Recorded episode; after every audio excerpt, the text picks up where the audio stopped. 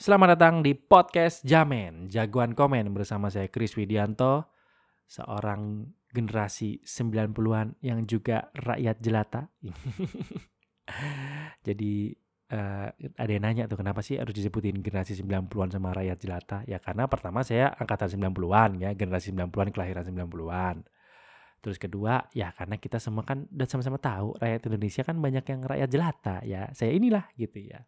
Isinya adalah bagaimana saya ngomongin tentang cerita, kisah atau pengalaman pribadi yang mungkin relate dengan teman-teman semua. Syukur-syukur bisa ditarik manfaatnya buat teman-teman semua para pendengar yang saya sebut pasukan Jamen. Nah, kali ini saya lagi ngomongin tentang ospek gitu ya. Mungkin teman-teman ada yang bertanya, ngapain ngomongin ospek? Emang kita lagi penerimaan mahasiswa baru apa gimana? Enggak. Uh, mungkin pada saat ini dirilis nggak ada hubungannya sih sama penerimaan mahasiswa baru. Cuman saya mau kasih tahu, saya bangga dengan ospek saya. dalam hati dih emang saya peduli tahan dulu jangan di skip dulu saya mau bilang karena ospek saya itu waktu itu bisa mendapatkan tiga gol sekaligus yang menurut saya itu cukup penting sebagai sebuah angkatan di perkuliahan. Ini versi saya ya, perspektif saya. Belum tentu juga teman-teman saya angkatan saya itu juga mendapatkan perspektif yang sama. Tapi saya mendapatkan tiga hal. Yang pertama adalah angkatan saya jadi solid gara-gara ospek. Kedua, angkatan saya itu bisa berstrategi sebagai sebuah angkatan. Dan yang ketiga adalah angkatan saya bisa care dengan temannya satu sama lain. Meskipun kita nggak pernah tahu, nggak pernah kenal sebelumnya. Nah, saya mau cerita dulu. Bahwa saya ospek di sebuah kampus negeri di Surabaya. Lalu metodenya adalah 6 bulan. Saya ospek 6 bulan Lalu enam bulan berikutnya itu ada namanya pasca ospek. Ntar saya kasih tahu bedanya apa ospek sama pasca ospek gitu. Ya. Mungkin ah, anjir setahun di ospek nggak seburuk itu. Meskipun pada saat dijalanin kita juga agak ngeduma. Cuman pada saat selesai ospek dan kita lulus, akhirnya kita tahu andai dulu nggak ada ospek ini, angkatan saya nggak bisa kayak gini, gitu. Nah, saya mau kasih tahu gini, ospek itu, ospek saya itu jangan diharapkan ospek-ospek yang isinya kayak perpeloncoan gitu ya yang cuma buat lucu-lucu buat bahan tertawaan yang tiga hari gitu selesai. Enggak. It's not that simple tapi kita cukup menguras energi tenaga waktu dan juga membuat beberapa orang itu nggak mau ikut. Nah saya mau cerita dulu. Sebelum di ospek itu ada deklarasi semacam kayak persetujuan bersama. Mau ikut atau enggak kalau ikut itu uh, ada reward ada rekomendasi untuk bisa masuk ke organisasi ataupun hmm, apa ya istilahnya tuh masuk ke sebuah kayak as asisten dosen, asisten lab kayak gitu-gitu tuh. Walaupun di kampus sebenarnya nggak ada nggak ada ketentuan itu, cuman senior itu tahu mana yang ikut ospek mana yang enggak gitu. Nah, yang tidak ikut ospek itu dianggap kayak kayak apa ya? Ya saya bukan mau bilang kayak cupu, tapi apa ya bahasa yang tepat ya. Jadi kayak ah gitu aja kok nggak kuat gitu loh. Karena memang kita ketika di ospek kan nggak tahu ya di depan itu nggak dikasih tahu bahwa goalsnya tuh apa gitu. Nggak kayak kita yang udah dewasa kayak gini dikasih tahu kalau anda ikut pelatihan ini nanti dapatnya ini kan banyak kayak gitu. Kita nggak dikasih tahu, tapi kita suruh jalanin aja. Yang mana akhirnya kita jadi tahu di belakang. Dan orang untuk mencapai ke belakang itu nggak semuanya mau. Jadinya ada yang nggak mau ikut, ada yang mau ikut. Yang nggak ikut konsekuensinya salah satunya adalah tidak tidak dapat rekomendasi dari senior untuk masuk ke organisasi ataupun jadi uh, asisten lab uh, ataupun asisten dosen gitu. Karena kan kalau ada rekrut gitu kan kadang-kadang dosen nanya juga kan ke mahasiswa yang udah senior itu gimana si anak ini gitu. Nah itu tuh hak-hak kayak haknya senior gitu. Kalau misalnya nggak ikut ospek ada hak yang hilang. Walaupun sebenarnya nggak boleh, mungkin ya, mungkin ya nggak boleh. Tapi lupakan itu. Saya saya nggak mau bahas itunya. Saya mau bahasnya adalah bagaimana ospek saya itu atau ospek kami bisa didesain begitu sempurna dan begitu bagus sehingga saya harus mengucapkan terima kasih dan respect tertinggi untuk siapa pun kakak-kakak saya yang bisa bikin ospek ini jadi ada. Jadi bayangkan teman-teman masuk ke sebuah kampus itu sudah ada senior-senior yang sudah terbagi menjadi dua. Panitia. Ada panitia galak, ada panitia baik. Panitia galak itu tujuannya adalah menggagalkan atau mencari kesalahan kalau panitia baik adalah guru, mentor, dan motivator. Nah, itu kan seperti kehidupan tuh. Yin and yang kan, kita di tengah-tengah gitu ya. kadang-kadang kita ketemu kampret-kampret yang nyari-nyari kesalahan, tapi di saat yang bersamaan kita juga punya support system yang ngasih kita motivasi. Nah, saya mau ngasih ceritanya itu langsung pakai contoh ya, biar kebayang apa yang dilakukan oleh panitia ini dan bagaimana panitia ini tuh mampu membuat kita mencapai tiga hal tadi, solid, kemudian strategik, sama care sama teman-teman yang lain. Ini contoh, contoh ya. Misalnya satu angkatan itu besok pagi harus datang jam 6 tepat, tidak boleh ada yang telat, dan kita mau senam bersama-sama di parkiran kampus. As simple as that. Besok pagi, jam 6 pagi kita kumpul, nggak boleh ada yang telat karena besok kita senam. Bukankah tampak sederhana? Karena itu buat besoknya. Hari ini itu sudah ada mahasiswa baru yang dikumpulin oleh senior untuk mengerjakan sesuatu yang bisa dikerjakan sampai jam 12 malam. Nah, jadi kayak di setting ya, kayak di setting bahwa besok tuh pasti ada yang telat dengan cara seperti itu. Tapi kita nggak sadar, kita nggak sadar, kita manut-manut aja. Kenapa? Kita sebenarnya tahu kok uh, panitia-panitia yang galak-galak ini kan pura-pura ya, kita udah biasa lah uh, ospek-ospek di SMA gitu ya atau di SMP itu ada yang sok-sokan galak kita udah tahu. Cuman karena kita mahasiswa baru nggak tahu kenapa ikut-ikut aja. Dan ketika itu uh, angkatan saya itu udah terpilih siapa ketua angkatannya walaupun akhirnya berganti-ganti tapi pada saat itu udah terpilih satu lalu langsung dibagi jadi 15 kelompok. Satu kelompok itu 10 orang 8 sampai 10 orang. Setiap kelompok ada ketuanya. Sehingga ketika nanti ada informasi terbaru dari uh, panitia galak gitu ya misalnya panitia galak ngasih tahu si Bambang eh Bambang kasih tahu angkatanmu uh, nanti uh, kumpul jam 5 sore di kampus ya kita mau ngasih uh, kegiatan buat kalian gitu kumpulin semuanya nah ketua angkatan itu akan ngirim ke ketua-ketua kelompok ketua kelompok baru transfer informasi itu via SMS ke angkatannya jangan dibayangin ada WA. WA belum ada di angkatan saya. Kalau sekarang itu masukin aja grup WA, informasi tinggal pencet, blast. Murah, cepat, hemat gitu. Dulu nggak gitu guys. Makanya thanks to IM3 paket SMS. Karena dengan paket SMS itulah kita bisa nge-SMS uh, eh, banyak orang ya dengan harga yang murah pada saat itu. Nah, kembali kita dicerita. Misalnya hari ini ada kegiatan. Apa pun tuh kegiatannya, ada aja. Tetapi semuanya itu mengandung sisi edukatif. Jangan di, jangan dipikir kegiatannya cuman uh, apa ya misalnya pakai-pakai kuncir-kuncir nggak jelas, bawa-bawa panci taruh pala, kuping dijewer, kaki angkat satu, nggak ada kayak gitu, nggak ada. Yang kita lakukan misalnya ya, malam ini misalnya, sore kumpul, sore kumpul habis sholat segala macam selesai, misalnya suruh bikin artikel atau suruh bikin clipping berkelompok, nanti presentasi ke ke senior-senior gitu, presentasi ke apa namanya panitia galak yang ditambah dengan beberapa panitia baik. Nah, panitia gerak dan panitia baik itu pada saat kita ngerjain itu juga ada di lokasi. Full tim mereka. Panitia gerak soal-soal jadi security yang kayak apa namanya istilahnya kayak ngawas-ngawasin eh kamu eh kamu gitu. Panitia baik ada juga posisinya di situ tapi dia ngasih arahan kayak e, D ini salah nih D D itu D segala macam jadi bisa dibayangin ya keseruannya kita kumpul dalam satu kolam di mana ada panitia galak, ada panitia baik, lalu ada kami yang harus ngerjain sesuatu sampai jam 12 malam tampak seperti pekerjaan sia-sia, tapi sebenarnya di situ kan kita juga uh, berstrategi ya gimana caranya kita bisa nyelesain sesuatu itu secepat-cepat mungkin sehingga kita cepat pulang. Nah, itulah kita ngomongin berstrategi gitu ya. Solid, solidnya apa? Ya karena itu tadi kita bisa ngumpulin orang di kampus meskipun harus dengan beberapa kali SMS karena kita takut uh, kita takutnya dihukum gitu. Selalu ada hukuman di mana ketika kita suruh kumpul ada aja yang nggak ikutan tanpa alasan yang jelas. Nah, itu harus akan akan akan ada hukuman tambahan gitu. Baik buat angkatannya maupun buat yang telat. Nah sampai situ dulu. Akhirnya misalnya kita ngerjain sampai malam. Setelah kita udah selesai ngerjain itu biasanya around jam 12 malam ya di Surabaya. Di situlah biasanya panitia-panitia baik itu bertanya sama ketua angkatan. Dia bilang gini tanya siapa yang pulang sendirian di saat mungkin banyak yang ya udahlah udah pulang kan nih bye bye gitu tetapi panitia baik itu bertanya sama ketua angkatan coba tanya ke angkatanmu siapa yang pulangnya sendirian poin ketiga saya ngomong care.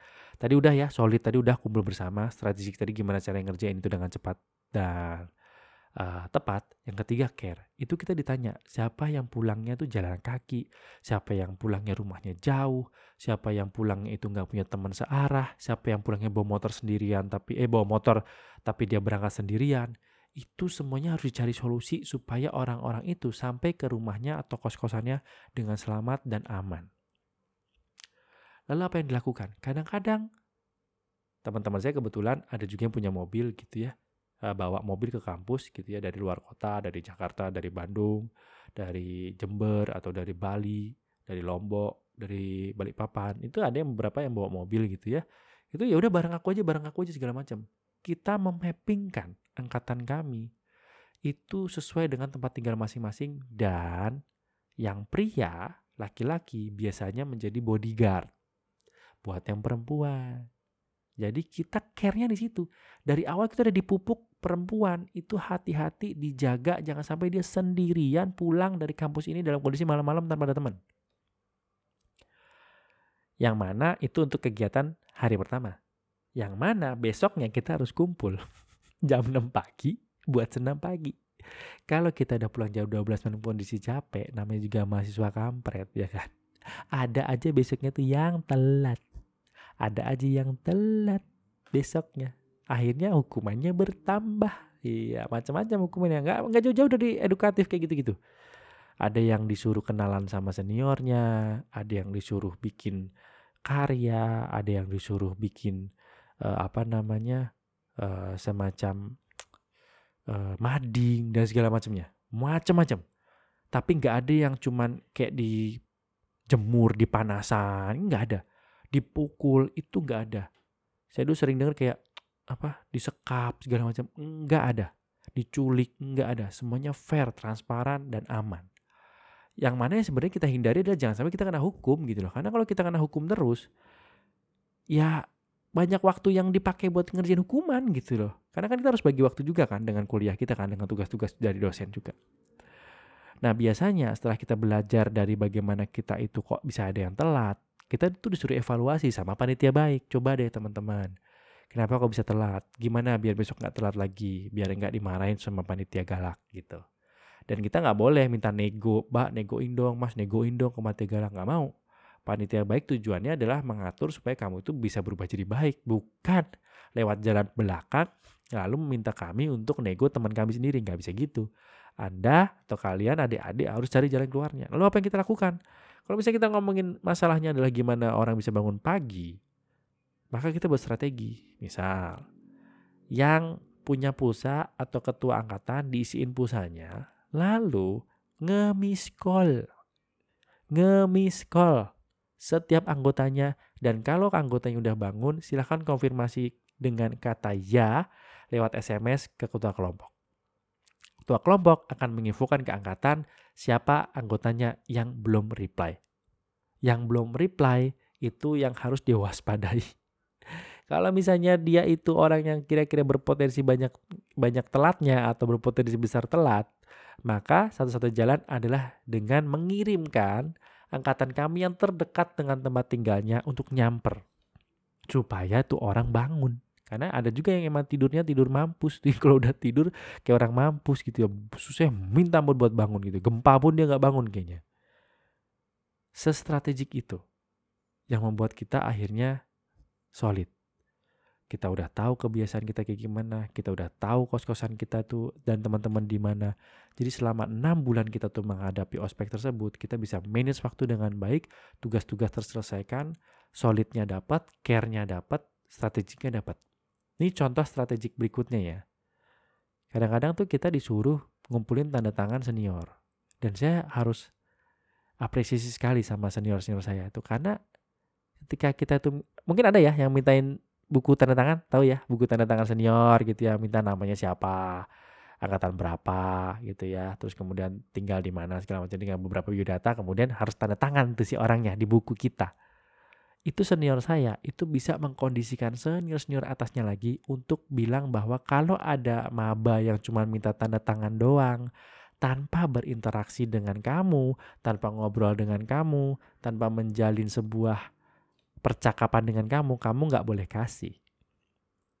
Jadi nggak ada tuh mas, mas, mas, mas, mas namanya siapa mas? Aku ada target nih. Jadi memang setiap angkatan ada target. Misalnya nih, angkatan mabanya 2022. Berarti seniornya kan 2001, 2020, 2019. Nah, itu ada targetnya. Misalnya 2000 uh, eh, apa namanya? 21 itu 50% gitu ya atau berapa puluh orang. Terus terus terus sampai di total misalnya ada 100 gitu ya. Nah, itu nggak boleh tuh. Kalau cuma tiba-tiba lari-lari lari-lari terus mas mas mas minta datangan dong ini aku ini nggak boleh dan mereka bisa mengkondisikan itu senior-senior itu juga nggak mau ngasih tanda tangan cuma-cuma ada yang nolaknya dengan gaya galak tapi ada juga yang nolaknya gini ya dek kamu kan nggak ngobrol kamu nggak nanya kamu langsung nodong itu nggak boleh ya kamu cari yang lain yang mana menurut saya itu sangat-sangat luar biasa membuat kita jadi harus pintar bagi waktu lalu pintar mencari topik pembicaraan, lalu kita bisa mengapproach supaya senior itu tanda tangan. Nah, tanda seniornya juga fair, nggak mau, eh, nggak boleh juga dia ngajak ngobrol sampai sejam dua jam hanya untuk satu tanda satu tanda tangan, nggak boleh. Yang penting dia ngerasa udah diajak ngobrol, udah ditanya satu dua pertanyaan, oke lah sini kamu tanda saya tanda tangan gitu. Nah makanya satu senior itu paling cuma dikerubutin tiga empat orang gitu ya. Dikerubutin dua orang gitu. Nggak bisa dikerubutin 20 orang gitu kayak dengerin ceramah gitu. Nggak bisa harus berinteraksi soalnya harus ada percakapan dua arah yang mana membuka interaksi itu sulit pak sulit saya yang mungkin uh, dulu belum terlalu suka ngobrol gitu nggak selalu suka ngomong itu mau mulai itu mulai dari mana ya? Akhirnya apa? Mengamati melihat mencontoh. Akhirnya memberanikan diri untuk misalnya di kantin. Mas mas boleh ngobrol nggak nih? Kamu minta buku tanda tangan ya? Ya tau lah mas gitu. Tapi kan aturannya ngobrol dulu ngobrol dulu ya mas yuk. Ya udah mau ngobrol apa? Ngobrol ngalor ngidul ngalor ngidul. Akhirnya kita dapat tanda tangannya. Apa manfaatnya dengan begitu kita bisa tegur sapa di kampus kita tahu siapa namanya tanpa kita tuh cuman sekedar minta tanda tangan jadi ketika kita nanti sekelas karena nggak mau ngenutup kemungkinan kita sekelas bareng antara kita mempercepat kuliah kita atau dia mengulang di kuliah kita gitu ya kan ada kemungkinan kita sekelas kita nggak kagok lagi kita nggak kagok lagi. Kita hafal mukanya, kita hafal namanya. Dan akhirnya kita jadi saling kenal antar angkatan. Dan itu sangat jenius banget. Jenius banget buat saya. Sehingga kita tuh jadi orang yang berani buat ngomong, berani buat uh, berinteraksi. Dan kita bukan kayak zombie yang datang kuliah pulang hilang gitu. Nggak gitu. Dan akhirnya enam bulan itu kita isi dengan hal seperti itu. Pokoknya panitia galak, nyari-nyari kesalahan, uh, panitia baik menjadi mentor. Apakah ada gagalnya? Banyak. Apakah ada suksesnya? Juga banyak. Dan ketika kita sudah selesai ospek itu, kita tuh ada kayak malam inaugurasi gitu. Jadi kita diundang, lalu kayak dibuat drama-drama gitu, kayak panitia galak sama panitia baik kayak berantem, kita hanya misahin. Ternyata abis itu, woi selamat mahasiswa baru, sudah lulus ospek. Wah itu melegakan banget sih, melegakan banget. Nah, akhirnya kita peluk-pelukan sama senior. Senior tadi galak tuh pelengah-pelengeh bahasa Jawanya, pelongah, pelongeh, senyum, senyum, maaf ya. Itu dan mereka minta maaf. Setelah kami dinyatakan selesai ospek itu, mereka minta maaf. Mereka bilang bahwa saya maaf ya selama ini berperan galak, tapi kan teman-teman ngerasain manfaatnya. Which is setelah kita disebutin manfaatnya, kita ngerasa bener juga ya. Kita jadi solid, kita jadi care, kita jadi strategik. Lalu 6 bulan setelahnya ngapain? Seperti yang tadi bilang, 6 bulan berikutnya kita membuat lomba olahraga yang mempertandingkan seluruh angkatan. Nah kali ini kami benar-benar diuji. Di sini real life-nya adalah udah nggak ada mentornya, udah nggak ada panitia baiknya, memang udah nggak ada panitia galaknya, tapi ada orang yang galak beneran. Karena mungkin merasa nggak fair dengan pertandingannya, mungkin merasa dia dipermainkan sama angkatan yang lain karena udah datang lengkap yang satunya belum datang akhirnya pertandingan diulur-ulur segala macam dan kita harus menjadi panitia yang fair yang bisa menyediakan hadiah gimana caranya buat para pemenang yang bisa menenangkan semua angkatan dan kita itu jadi mahasiswa yang profesional untuk pertama kali meskipun itu hanya sekedar mengelola sebuah event olahraga seangkatan raya which is itu sangat-sangat baik sekali kita jadi tahu kita harus uh, cari funding di mana buat nyewa lapangan. Kita jadi tahu kita harus cari sponsor ke mana. Kita jadi harus tahu cara merunning sebuah kegiatan gimana. Kita harus tahu cara ngiklanin agenda kita gimana. Kita harus tahu cara mengkomunikasikan dengan kapten-kapten tim tuh yang paling efisien gimana. Kita harus tahu jadwal-jadwal kuliahnya senior itu kapan. Kita harus tahu booking cara booking lapangan biar kita ke bagian lapangan dan itu semua dibagi per panitia, per cabang olahraga. Perintil, perintil, perintil banget. Kita udah kayak udah kayak koni kali ya. udah kayak FIFA lah kayak main bola tuh. Semua udah diatur dengan sangat rigid dan di ending diakhiri dengan podium. Siapa juara siapa juara. Dan semua bertepuk tangan. Yang senior mengapresiasi kami karena sudah menyelenggarakan event olahraga yang baik. Yang junior juga berterima kasih sama senior karena dibimbing dibina. Dan kita baru sadar setelah itu setelah kita naik angkatan ya jadi jadi tahun kedua. Dan kita jadi panitianya untuk maba ke bawah kita jadi tahu kalau saja uh, ospek-ospek ini nggak ada maka kita yang rugi. Karena kita mungkin gak bisa care sama teman kita kita mungkin gak kenal sama teman kita. Jangan-jangan ketemu di jalan gak sadar itu teman kita gitu. Kedua kita jadi strategik kita sangat-sangat berlatih profesional berlatih scheduling berlatih uh, komunikasi dan segala macamnya. Dan terakhir adalah kita bisa solid. Dan itu mungkin belum bisa terjadi. Ya kalau misalnya ospeknya sekedar hura-hura cari martabak cari donat cari ulat bulu, ah mungkin itu suatu hal yang kurang perlu menurut saya. Jadi buat kampus-kampus ciptakanlah sebuah simulasi real life seperti ospek saya ya, yang nantinya tentu akan membuat dampak positif kepada orangnya setelah mereka melalui hal tersebut. Dah, itu aja ospek yang saya alami. Mudah-mudahan bermanfaat buat teman-teman semua. Sampai jumpa di episode podcast zaman berikutnya. Bye-bye.